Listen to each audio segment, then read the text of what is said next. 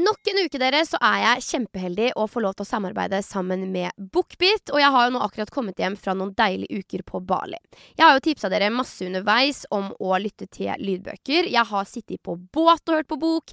Jeg har sminka meg klar til middag, og jeg har ligget på solsenga og bare lukka øya og nyter å forsvinne inn i en deilig, god, spennende bok. Og en bok som har overraska meg veldig, og som jeg har lyst til å trekke fram, det er boka 'Ektemannens hemmelighet'. Denne boka handler altså om en dame som tilsynelatende lever det perfekte livet, før hun en dag finner et brev som er skrevet av mannen hennes, og dette brevet her inneholder hans mørkeste hemmeligheter, og hun skulle selvfølgelig aldri ha lest det brevet her. Og jeg syns at forfatteren skriver boka på en veldig enkel og kall det lettlest måte, og jeg har bare lyst til å høre mer. Og dere vet jo hvor deilig det er å forsvinne inn i en bok som man ikke klarer å legge fra seg, og den boka her er virkelig et godt eksempel på nettopp det. Så hvis du har lyst til å få med deg masse spennende bøker, alt fra krim til romaner og sjølhjelp, så kan du gå inn på bookbit.no slash hanna45 og få hele 45 dager med gratis lytting. Halla, gjengen! Det er en stor glede for meg å endelig kunne si hjertelig velkommen tilbake til en ny sesong av Hanna og de heldige. Det her er jo podkasten hvor jeg sjekker inn med noen av de heldigste blant oss, nemlig kjendisene våre, for å sjekke hvor takknemlige de er på en skala fra 0 til 100. Og i dag så skal jeg sjekke inn med sjølveste Øyunn Krogh. Så da er det bare å glede seg til en høst som er fylt opp med spennende samtaler. Let's go!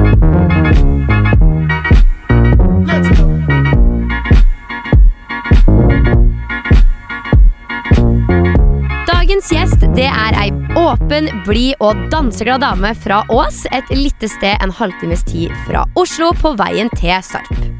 For noen år siden så bygde hun ei søt lita hytte på sommerhytta sammen med sin eks, før hun på alvor tok steget inn i TV-ruta med Farmen kjendis og Firestjerners julekalender. Noen diskusjoner med Niklas Baarli og flashing av titt senere er hun en veletablert influenser med bl.a. egen podkast og strikkekolleksjon. Hva blir det neste, lurer jeg på. Og hva koster det å være så sårbar i offentligheten? Og hvordan endrer livet seg når du blir bråkjent, sånn som dagens gjest har blitt?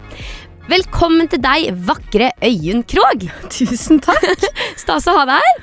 Veldig stas å komme. Det er veldig liksom stas å kunne få en sånn introduksjon av deg som menneske. Sånn. Ja. Det er ikke så ofte man får det. Nei. Aller først så lurer jeg på hvor heldig føler du deg på en skala fra 0 til 100, Øyunn? Oi. Eh, jeg føler meg veldig heldig. Det betyr ikke alltid at man har det så bra, Nei. men jeg føler meg likevel veldig heldig. Jeg tror nesten at det er oppe og nikke på, i hvert fall oppe kanskje på 95, da. Ja?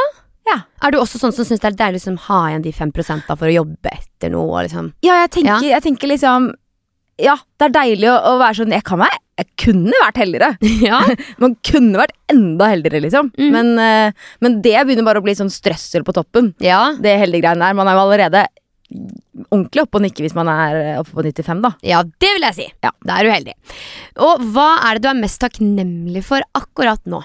Akkurat nå Jeg tror, jeg tror liksom gjennomgående så er jeg veldig, eller mest takknemlig for eh, eh, For familien min. Ja. Ja. Det tror jeg bare Det er det som på en måte er Hvis jeg skal Hvis jeg på en måte skal lande til og se tilbake på noe, så er det alltid det. Ja. Er du nære dem? Ja, jeg er, jeg er nære dem, men det er ikke sånn at jeg eh, ringer dem ofte eller har liksom eh, veldig sånn ofte kontakt med familien min, men jeg bare vet at jeg har de der alltid, da. Ja. Og det å kunne det å kunne liksom gå tilbake til noen som alltid vil elske deg og ta vare på deg, og som er vakre, fine folk, liksom, Mm. Det, det er det ikke alle som har. Eh, og det tror jeg man innser mer og mer når man blir eldre.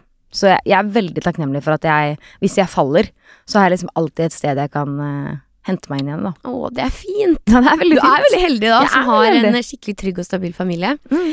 Men den podkasten her den handler jo om de heldigste blant oss, nemlig kjendisene. Og en av grunnene til at jeg sier at kjendiser er heldige, er jo fordi vi har full fleksibilitet i hverdagen, sponsor og mulighetene til å liksom velge det meste sjøl i hverdagen. Mm. Og jeg tenker ofte over sånn Hvordan var det det her ble en jobb og en hverdag? Ja. Eh, så jeg lurer også på da hva med liksom den her kjendislivsstilen og jobben din er det som gjør at du føler deg mest heldig? Altså, jeg eh, måte ramlet jo inn i dette når jeg var eh, 24 år. Mm. Jeg var med på Sommerhytta da jeg var 23, og så gikk den på TV da jeg var 24. Så vi sier at jeg har hatt ikke et veldig langt liv, men jeg rakk å liksom bli litt voksen før, uh, før jeg opplevde det her. Rakk å ha liksom um, masse vanlige jobber, rakk å jobbe 9 til 4, og på en måte um, ja, fikk et uh, Kjenne på kroppen, da, hvordan egentlig en vanlig jobb er. Og når det er da liksom det må, Jeg må klype meg i armen og minne meg selv på det når jeg syter. Mm. Fordi man syter uansett. Eh, hvor heldig jeg er som har den eh, livsstilen, vil jeg si nå, da. Eh, hvor jeg faktisk eh, Ikke bare det at jeg liksom har råd, eh, har penger til å klare meg, jeg er sikra økonomisk. Det er en veldig viktig aspekt. Det fjerner jo ekstremt mange bekymringer. Eh, men også det at jeg blir hørt, tror jeg liksom er en av de tingene eh, jeg setter ekstremt pris på og føler meg ekstra heldig med den jobben her, da. Eller den kjendistilværelsen. Mm. At hvis jeg sier noe, så er det faktisk mennesker som har lyst til å lytte. Eh, og jeg har en søster som jobber med noe kjempeviktig. Hun jobber med atomvåpen. Oi. Og hun er liksom sånn Ringer journalister for å få de til å skrive saker. Det her var liksom, sommer da var vi på hytta begge to. Og hun liksom skriver om det her og sitter og skriver liksom kjempebra innlegg og håper det blir tatt med avisa. Og jeg blir ringt opp og ned av journalister som bare har lyst til å høre hva jeg har gjort i sommer. Mm. Og da er man sånn wow. Jeg har virkelig fått en plattform hvor eh, folk har lyst til å høre på meg, da. Mm. Det er en kontrast. Det er en kontrast. Med atomvåpen og eh, Og meg ikke- med liksom kjærlighetsliv. ja. Men hvorfor tenker du at det er viktig å bli hørt? Hva er det du liksom vil si som du tenker er viktig? Jeg tenker jo Alle mennesker ønsker jo på et eller annet nivå å bli sett og hørt. Eh, jeg tror kanskje eh, etter hvert eh, å ha vært i rampelyset, så, så skjønner du at det er kanskje ikke så viktig å bli sett og hørt på alt.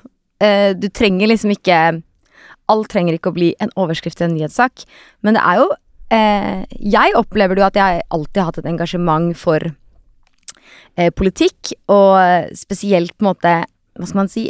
Eh, etisk politikk, da. Mm. Den som handler om hvordan vi forholder oss til eh, mennesker eh, og til hverandre.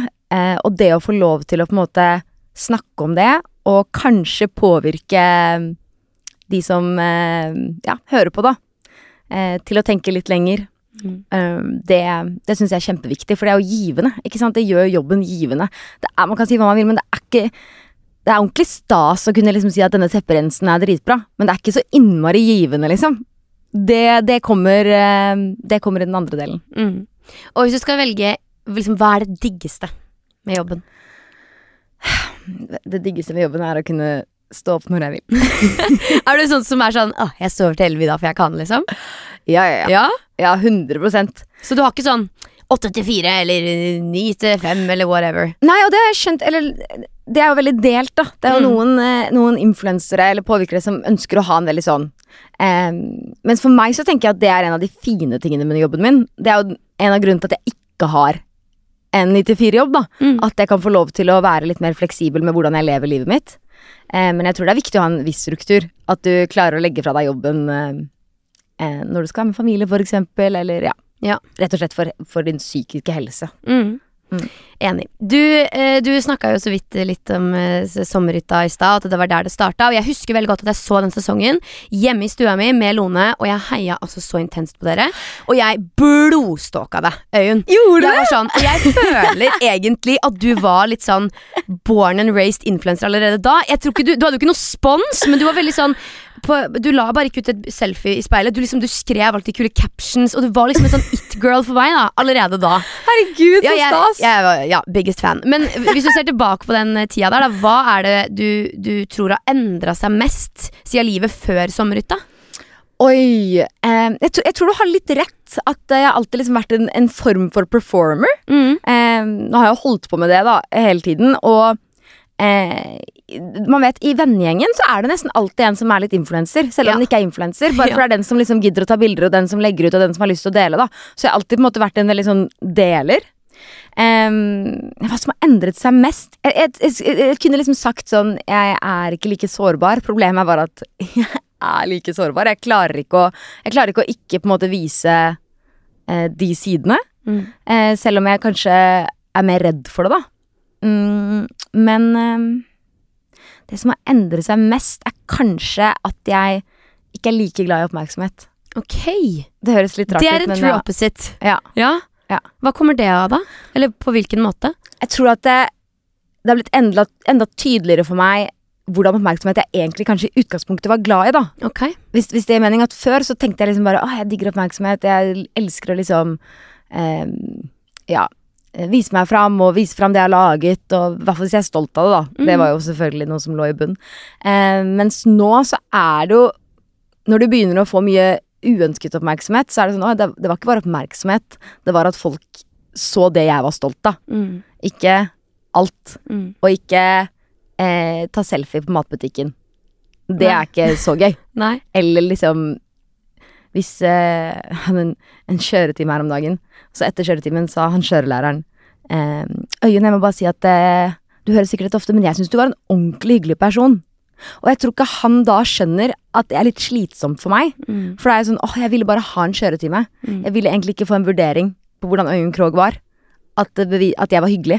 Og det er også litt sånn second eller litt sånn backhanded compliment. For det er litt sånn Oi, du var jo hyggelig. Sånn, ja. Ja. ja, på en måte. Ja, og jeg tror bare Ja, og sånn Hvis man går på butikken, og så og så er det sånn eh, Ja, ja og, og det, ja, det er veldig hyggelig. Mm. Problemet er bare at det, når du er redd for å bli vurdert, og så får du beviset for at det er det du ble, Mm. det er slitsomt i enhver sånn situasjon, da. Det, det ønsker man ikke.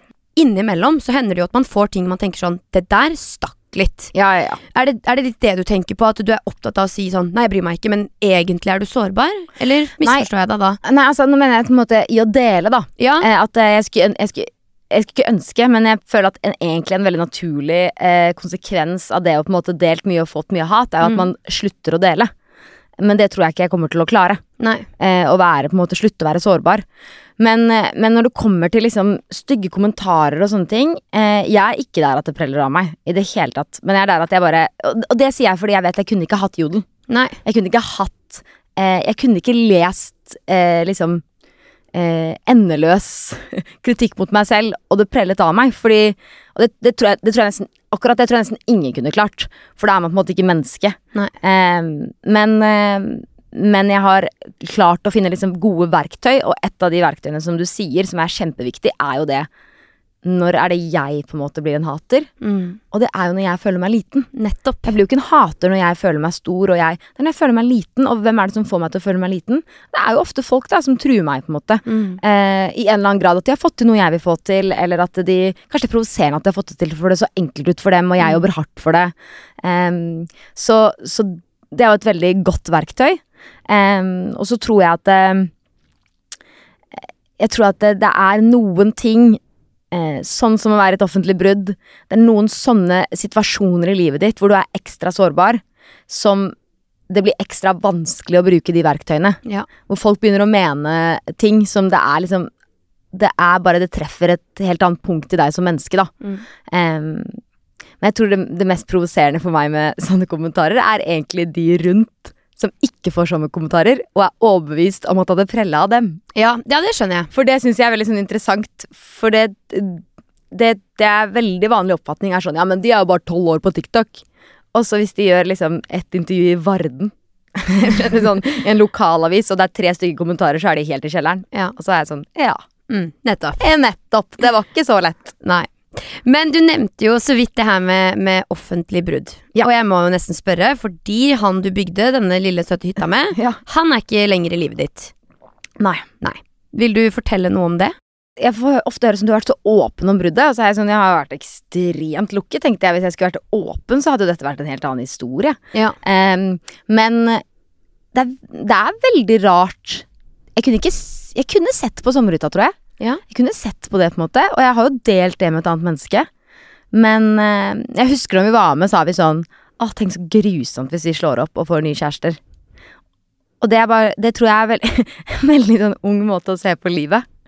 Fordi det gjør ingenting. Nei. Jeg sitter ikke her i dag og tenker Stakkars han nye typen min som kanskje må se på meg og eksen på sommerhytta.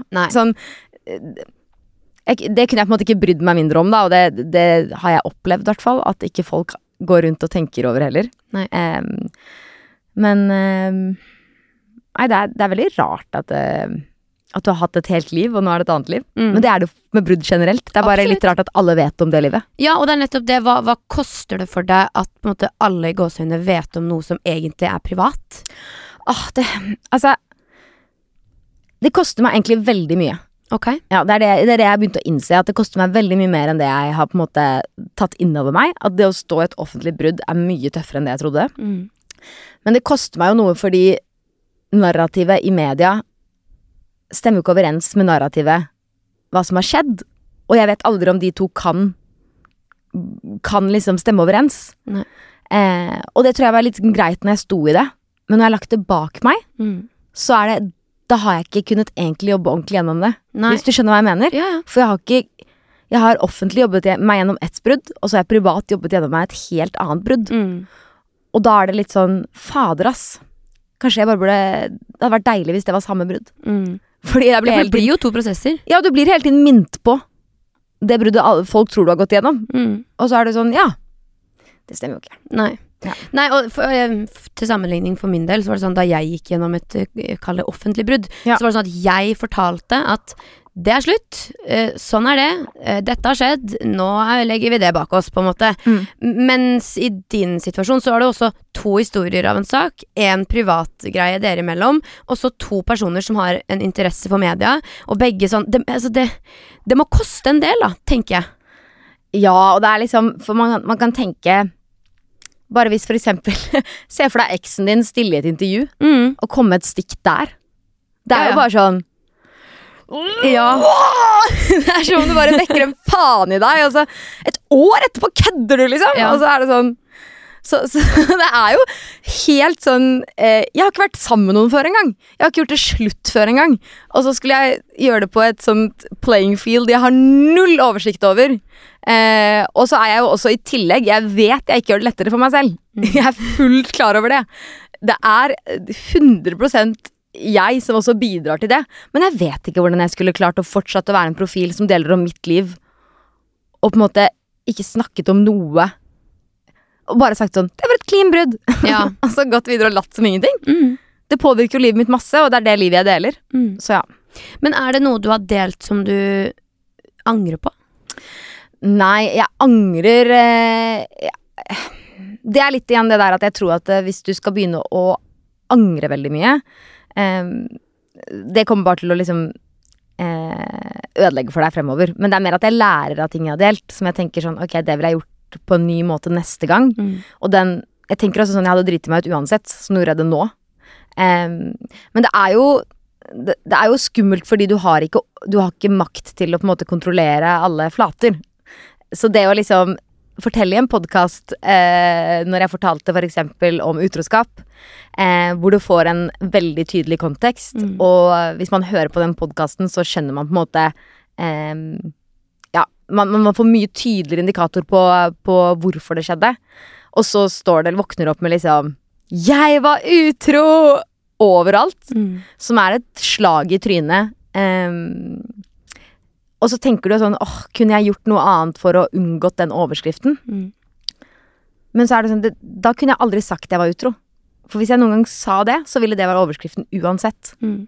Og så, og så kan man heller tenke litt sånn Hvilket mediehus behandlet denne saken best? Da tror jeg kanskje det er de jeg ønsker å ha et Ja, godt sånn. samarbeid med sam fremover. Mm. Eh, det er de jeg ønsker å gi kommentar fremover. Rett og slett bare fordi det handler litt om respekt. Ukas annonsør er Bli vakker. Nå har jo jeg kommet meg hjem fra 71-innspilling, og der var det sannelig ikke mye velvære, så nå er det på tide å stacke opp på både nye og gamle favoritter hos Bli vakker. De har blant annet Cosrex, Clairs, Vanilla Co og Glød by Sophie Elise. Så nå er det på tide å få kjøpt seg velduftende hårprodukter, en fresh deodorant, et deilig snegleserum og påfyll av favorittsolkremen min. Klikk deg inn på Bli vakker og unn deg sjøl litt velvære du også. De har alt du trenger.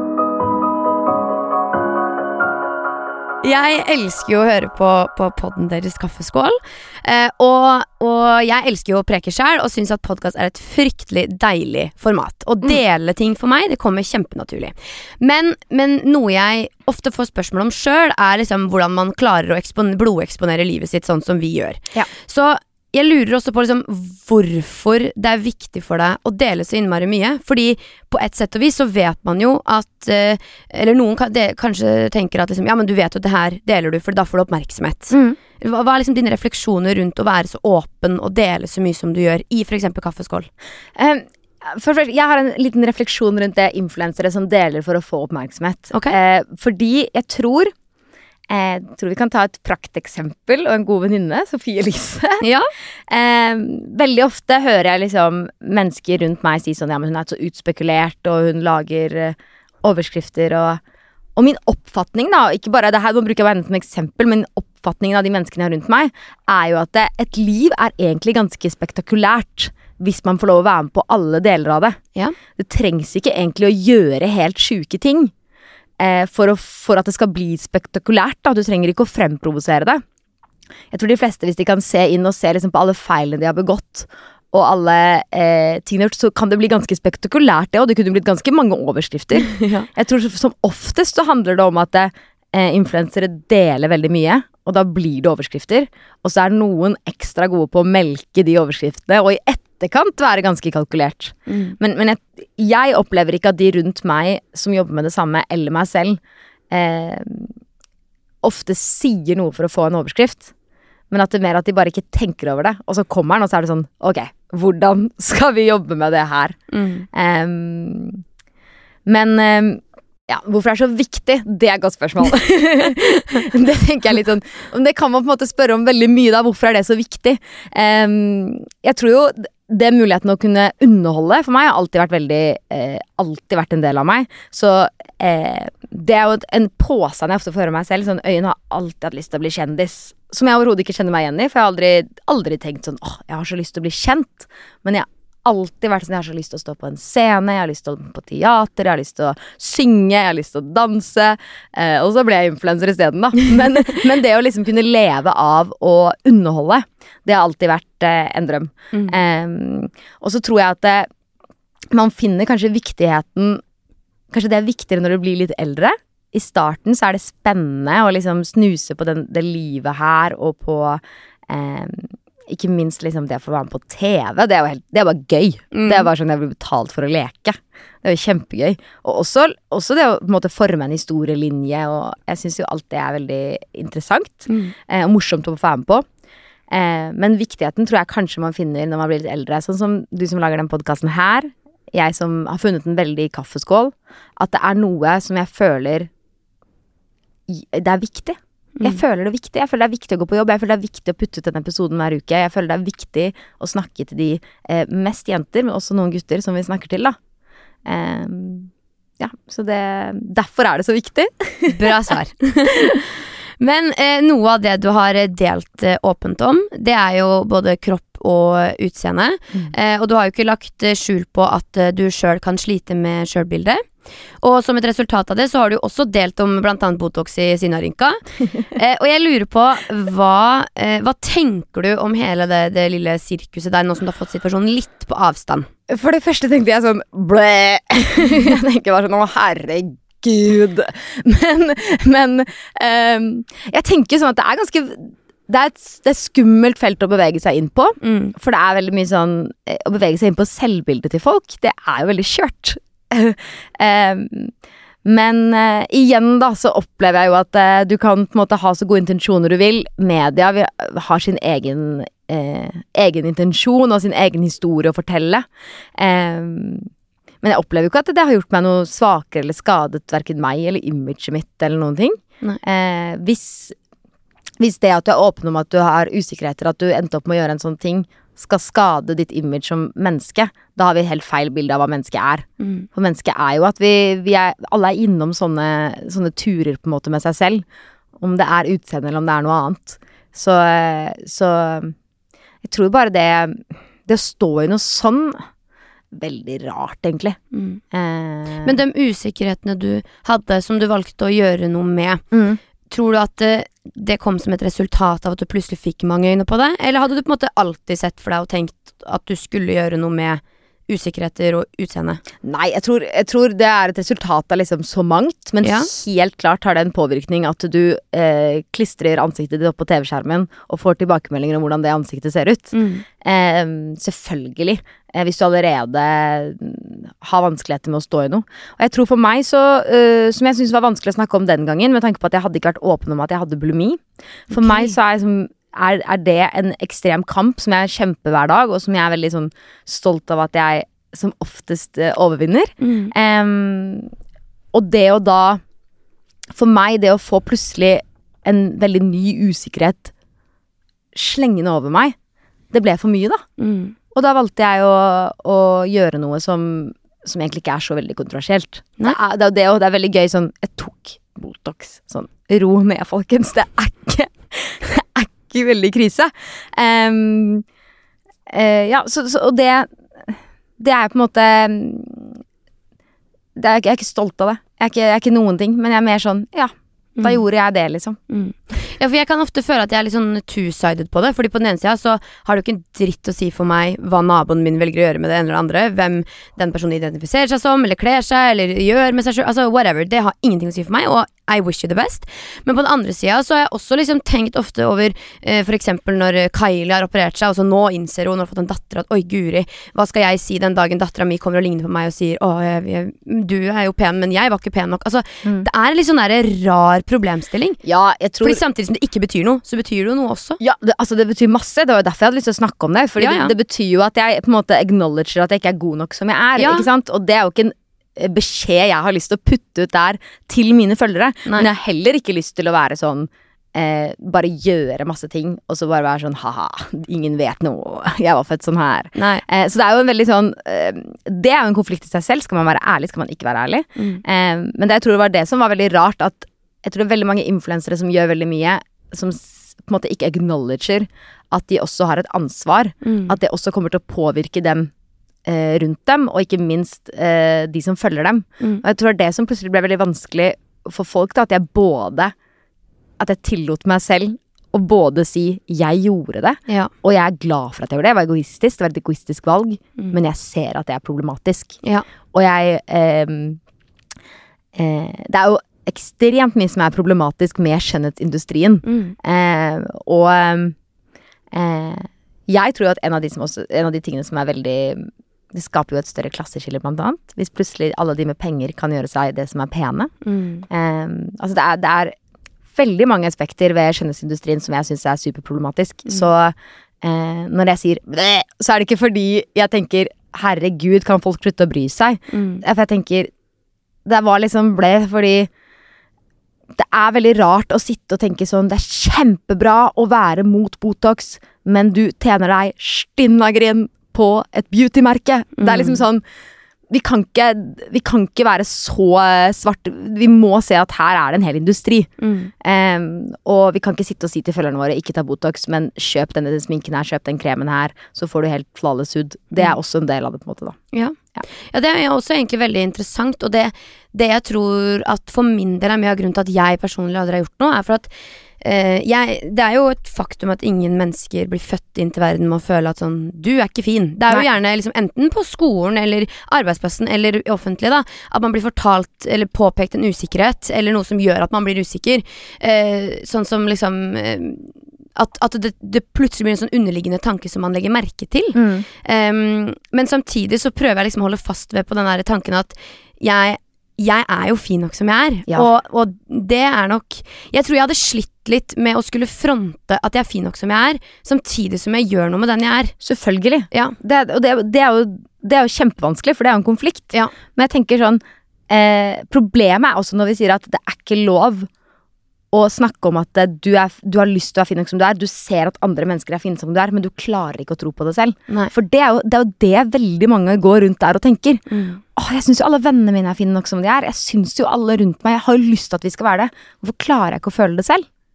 Um, det, er, det tror jeg er en konflikt som veldig mange går rundt og har inni seg. da Mm. Um, Som du sier, vi er ikke født uh, enten eller. Det er ikke en fasit som ligger på jorda. Som bare er sånn pen, stygg. Men det er jo en, en samtale på en måte samfunnet lager, som, som forteller oss hva som er eh, attraktivt, hva som ikke er attraktivt. Og det syns jeg er veldig interessant, fordi vi kan se på våre foreldre. Når jeg sier til noen, noen sånn 'Å, jeg skulle ønske jeg hadde mer rumpe', til mamma, da. Hvorfor det? Det er så stygt med mer rumpe! Hva mener du? Sånn, det er ikke noe fint å bare det, og det er jo veldig sånn Høres jo veldig Nå satte jeg det på spissen. Ja, Det er ikke sånn, Men, jeg, jeg, ja. men, men bare det at vi kan se at liksom det er et generasjonsskifte der. Vi kan jo se liksom på 90-tallet det å være liksom heroin-skinny og alt det der, selvfølgelig.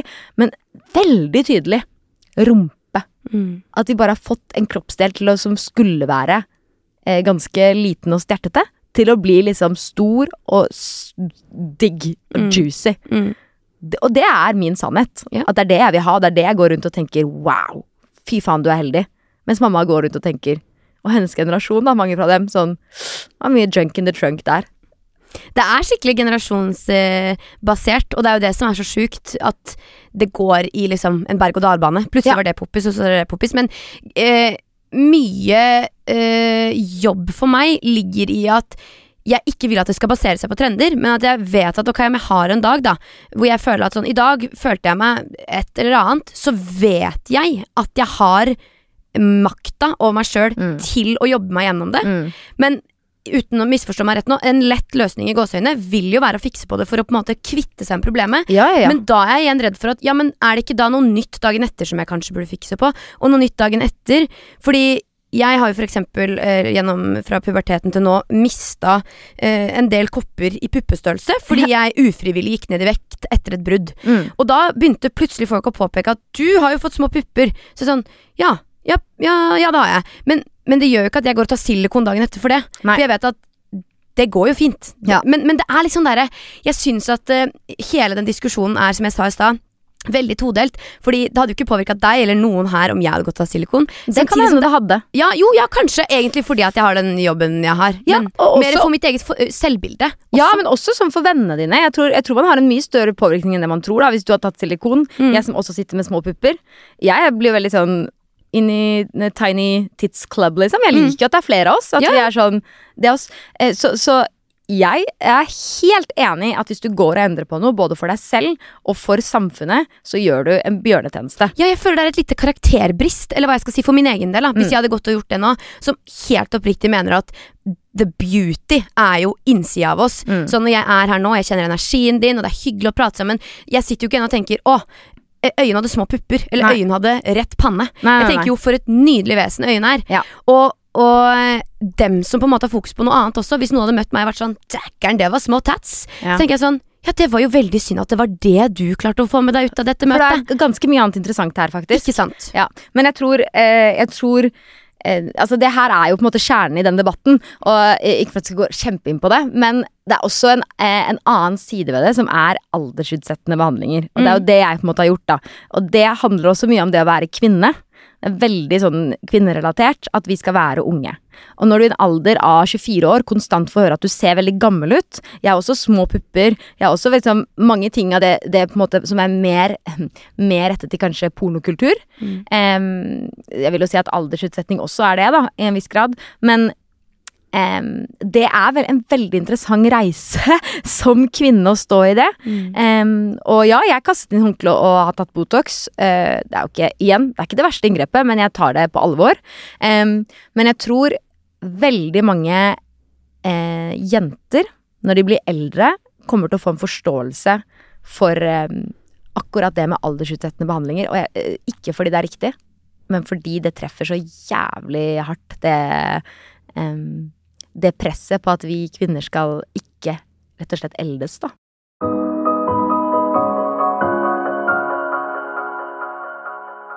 Men Øyunn, jeg lurer på, Ja. er det noe du savner fra Øyunn før influensing? Er det sånn Dette her skulle jeg ønske at jeg slapp meg mer fri på, for det gjorde jeg før. Um, hmm, Øyunn før influensing. Kanskje, kanskje eh, Når jeg liksom approacha folk. Ja? Ja, når jeg liksom em, Jeg var eh, mer uredd Mm. i, um, i det å på en måte ta et rom. Skjønner du hva jeg mener? Yeah. Fordi hvis jeg tok det rommet feil, og det endte opp feil, så var det ingen som Da var det hun jenta som gjorde det. Som var litt Men nå liksom. er det liksom Ikke at jeg går rundt og tror at alle vet hvem jeg er, men hvis jeg er et sted hvor folk vet hvem jeg er, så er det Øyunn Krogh som dreit seg ut. Ja. Så man blir jo mer selvbevisst eh, på en måte. Mm. Eh, så jeg savner nok litt det, og det handler nok også med tanke på dating.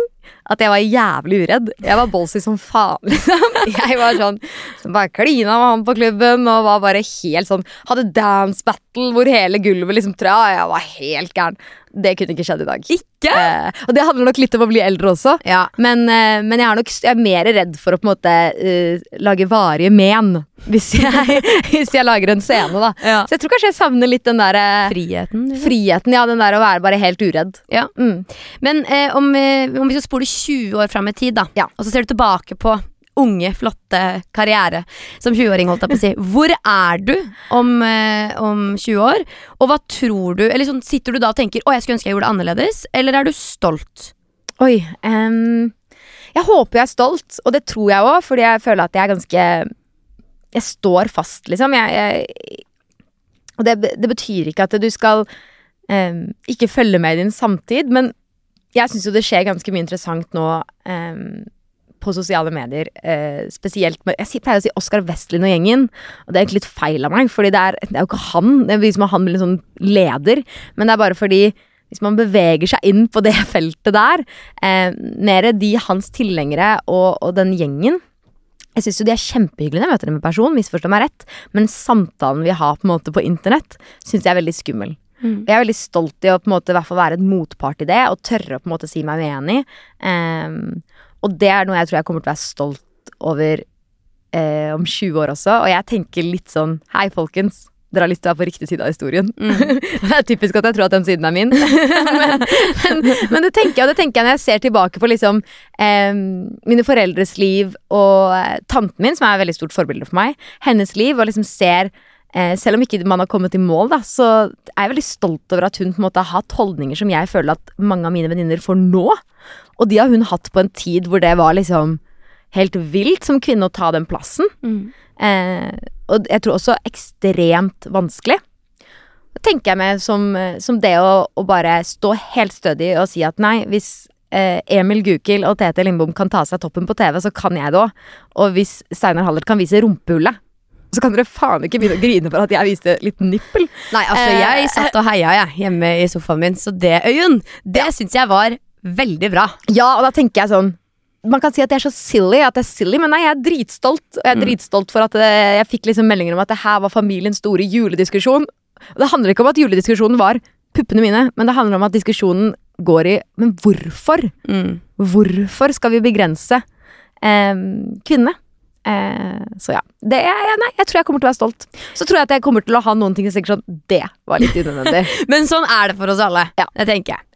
Men eh, vi pleier jo alltid å komme litt inn på det her med utakknemlighet også, eh, Ja. etter en lang prat om, eh, om hva vi har som vi er heldige for. Men hva, eh, hva kan irritere deg, eller gjøre at du føler at sånn Ok, nå var jeg litt utakknemlig. Oi. Um, En typisk situasjon. Jeg tror jeg, si, jeg, tror jeg, er veldig, jeg er veldig redd for å være utakknemlig. Så jeg blir veldig flau når jeg oppdager For det er jo ofte at man ikke kanskje skjønner det i øyeblikket du er det. At du på en måte Da, da tror du jo ofte at du har retten til å forvente det du har forventet, ikke sant? Eller at det, Og så etterpå tenker du oi, fuck. Og det er en veldig pinlig følelse. Em, utakknemlig jeg tror, kanskje, jeg tror kanskje det, det jeg føler at jeg noen gang kan ta litt for gitt, det er når folk er der for meg, Ja, og så på en måte bli sur hvis de ikke har muligheten. ok. Skjønner du? Sånn, Ja. sånn 'jeg trengte deg', eller jeg tror ikke jeg er så mye sånn, da virker det som jeg er superdramatisk. Nei, Nei, nei, men det sånn- kan jo være en, en, en eh, menneskelig følelse, det, for all del. Ja, at jeg, og, og det er veldig sjelden jeg, kunne, jeg tror jeg aldri kunne sagt 'jeg trengte deg', du var der ikke. Det, det Men du ikke. føler det? Men at jeg inni føler sånn hva, hva driver du Hvorfor? Hallo! Ikke sant? jeg trenger det. Ja, og så etterpå når du får det i retrospekt, så er det sånn Ja, men det handlet kanskje ikke om meg. Nei. Ehm, tror jeg det, og jeg husker, jeg husker en episode faktisk hvor jeg var skikkelig utakknemlig. Jeg var skikkelig flau, og jeg har sagt unnskyld for det mange ganger etter ettertid. Det var når jeg var i Og det er så Åh, det setter det på spissen nå. Og det er så pinlig. Ok, Jeg var i Tanzania med familien min. Okay. På, jeg husker jeg var ganske ung, altså. Eh, og så hadde pappa Vi var liksom oppe i fjellene, veldig enkle kår. Gjorde helt fantastisk arbeid eh, der. Det er et veldig fint prosjekt som vi på en måte Og så hvordan andre mennesker lever livet sitt, som er eh, på andre siden av kloden. Mm. Eh, som er beinhardt. Og så hadde pappa hauset opp at ok, men akkurat de siste dagene så skal vi på sånn luksushotell, liksom. Sånn, det blir skikkelig deilig. Han har liksom hauset opp det luksushotellet hele veien, da. Eh, som igjen var litt sånn, hvorfor skulle jeg forvente det? Sånn, det her er jo Skal jeg virkelig gå blant fattigdom og så være sånn, men jeg hadde tenkt å ha litt luksus på ferie også. Det er jo Ja. Uansett, så endelig kommer vi frem til dette luksushotellet, da, etter tre uker med ganske sånn ja, slitsomt for en, eh, en jente som er vant til uh, rene toaletter og du vet. Og så er det jo bare ikke et luksushotell, ikke sant? Og det er pappa sitt, pappa sitt liksom uh, uh, Bilde på et luksushotell stemmer ikke overens med mitt bilde. Nei. Så jeg blir jo så jævlig skuffa, ikke sant? Jeg blir bare sånn. Og jeg blir altså så Jeg klarte ikke å skjule det. Og jeg blir i så dårlig humør, og det går utover hele familien. Og jeg liksom, jeg lager ikke et helvete, men du vet, det bare blir sånn trass. Mm. Og i retrospekt, når jeg kom hjem, så ble jeg så flau. For da var jeg sånn Nå så er vi blant liksom mennesker som har Altså, vi er så heldige. Snakk om å være takknemlig. Og det hotellet var helt greit. Men bare fordi jeg hadde liksom en forventning til en vill luksus, da, så skulle jeg, skulle jeg tillate meg selv å liksom være sint på pappa.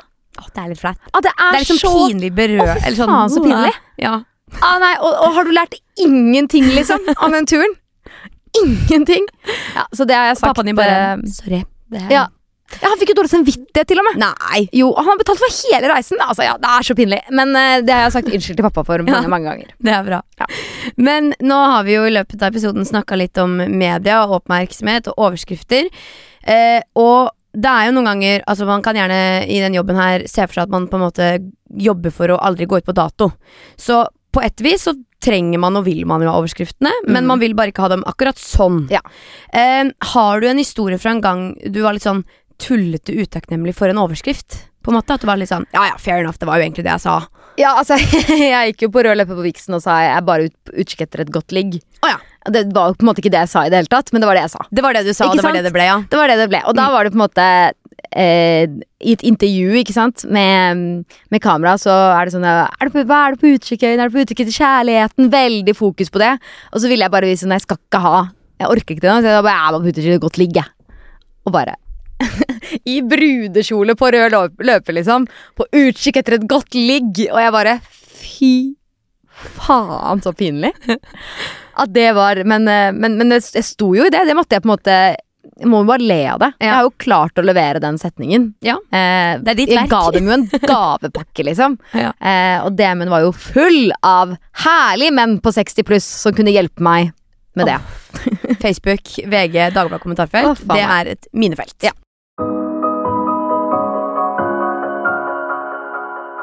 Men kjære Øyunn, eh, jeg lurer på om du er flink til å takke dem du har rundt deg i livet ditt. Fordi nå så skal vi nemlig, eller du skal få skrive en SMS med en takk til en spesiell person i livet ditt. Og jeg vil gjerne vite hvem dette er, og hva du skal skrive. Oi, oi, oi. Det er, vet du hva? Jeg synes det er nesten så mange å velge. Deilig, da. Ja, Um, jeg tror Jeg tror nesten ikke jeg kunne klart å skrive den SMS uten å begynne å grine. Jeg er så liksom Men da trenger man å prate. Jeg leste en bok senest i går. Hver gang du suppresser følelser, så blir de liggende i kroppen din til du får det ut. Da trenger du kanskje å gråte Tror du det? Ja, vet det! Ta det fra en som har grinet Leste du en bok, eller så du en TikTok? Jeg leste en bok. Jeg lover, du burde lese den. The Magic og The Secret Secret og hele den floppen der. Ja, Eh, jeg, tror, jeg tror jeg må sende en melding til pappa. ja kan vi Ja. ikke gjøre det? Ja. Ok, da kan du uh, sette i gang. Ok, til pappa så skal jeg skrive. Nok en gang beklager. Nei. Beklager for den turen for 15 år siden til Tanzania. Skriv fra hjertet ditt til pappa Krog. Ja, ok, den, eh, den Her blir den. Hei, pappa. Jeg vil bare sende en melding fordi du er viktig. Tusen takk for at du alltid setter oss først. Tusen takk for at jeg alltid kan komme til deg uansett. Jeg er så heldig som har deg som pappa. Klem din favorittdatter. Jeg tror jeg griner på hver SMS. Nei! Altså, jeg blir så rørt av kjærlighet til mennesker at det, det treffer meg djupt, altså. Ja. Tenk så glad han blir nå. Sitter liksom i lunsjtid og er sånn Gud, så heldig jeg er. Vi er faktisk en familie. Vi sier ikke så veldig ofte at vi er glad i hverandre, Ikke? men jeg gjør det alltid. Ja. Så jeg er liksom de, de, Altså, det sies, altså. Men jeg er sånn som sier de idet jeg går ut døra. 'Glad i dere!' Og da er de sånn Jeg er veldig glad i deg òg. Veldig sånn, ja. Sendte du den? Jeg sendte den, ja. Bra. Men pappa er liksom Han er altså Han er også et menneske med sine på en måte feil, men han er sånn at jeg nesten ikke tror på at det finnes. Nå, og, og jeg, tror, jeg tror veldig mange i liksom I hvert fall i den kulturen vi vokser opp nå, som er ekstremt opptatt av selvrealisering. Eh, og det å på en måte ta vare på seg selv og bygge seg selv, og det er jo ikke feil. Men det å da ha et menneske i livet ditt som bare beviser at det, det er ikke det for alle. um, og, og på en måte Jeg tror man veldig mange ganger trenger å bli minnet på at det gode faktisk fins, da. Og for meg så er det pappa. det høres liksom Det høres så ekstremt ut. Det høres så mye ut. Men det er bare Jeg skjønner ikke at det går an, liksom. Han Han er eh, Han er liksom det mest uegoistiske mennesket jeg har møtt. Og han får bare nye ting kastet i fanget på seg hele tiden. Og når han gjør jobb òg, så er det sånn Han er jo professor. Herregud, som han elsker de studentene sine. Og da er jeg sånn, fy faen, hvordan har du plass? Jeg skjønner ikke. Jeg hadde ikke klart det, på en måte. Og også det, hvis vi liksom snakker og diskuterer, så er han liksom åpen for at jeg kan lære han nye ting, og det er bare Ja, han For en er eh, fantastisk mann. ja, jeg så en TikTok av um, Alexandra, hun som studerer, eh, som sa altså, hun er så takknemlig for at jeg har hatt en pappa som bare aldri har sett liksom, at vi er jenter. Han er bare alltid liksom en pappa som er sånn vi fik, Dere fikser alt. Dere klarer alt. Og en sånn pappa jeg har hatt, selv om han har vært til stede. Og jeg, han har aldri tenkt at jeg ikke klarer noe. Så jeg er veldig heldig. Ja. Jeg er så glad du valgte å sende melding til pappaen din. Han kommer, han kommer til å bli så glad i henne. Ja. Og det her er jo også et lite tegn på å gjøre det oftere, fordi det berører noe i deg. Å sitte og bare reflektere over hvor heldig du er. Og han kommer sikkert også til å reflektere over hvor heldig han er som har deg. Ja. Det er jo bare helt fantastisk. Det er helt fantastisk. Mm. Trenger du papir? Nei, det går bra. Ja, men så bra. Vi er mot slutten nå. Eh, det siste vi skal gjøre i dag, det er å manifestere resten av året ditt. Oi, oi, Med en liten manifestasjonshistorie. Okay. Så um, når jeg stopper, så skal du få fylle inn kort. Ok. Innen 2023 har jeg endelig blitt bedre på å Svare på meldinger. Og jeg har slutta med å ta sol. Jeg har egentlig slutta, men jeg begynte igjen. Nei! Jeg veit det. Jeg har begynt med, Å gå turer. Ja. Å gå turer. og jeg har kjøpt meg Nytt kjøkken. Jeg skal feire at jeg vant. At jeg vant over alle kaffeskållyttere. Ja. og feiringa foregår I den oppussede leiligheten. Ja. På kontoen står det Å, fy fader. På kontoen står det 50 000. Ja. Men enda mer verdifullt er Vennene mine. Jeg skal fortelle oftere hvor glad jeg er i, Meg selv. og takke mer for. Um, de rundt meg. Helt til slutt så håper jeg at 2023 er året hvor jeg Slapper av. og kvitter meg med Stress. fantastiske Øyunn. Der var du flink! Ja, takk. Stå i det der etter en sånn gråteseanse, det, det er fantastisk. Så helt på slutten her, da.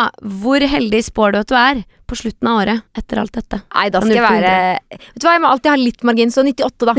Så har jeg to stykker, å- to stykker å gå på. Øye 98, det skal vi heie på. Ja. Tusen, tusen hjertelig takk for at du har delt og for at du kom, Øyunn. Takk for at jeg fikk komme.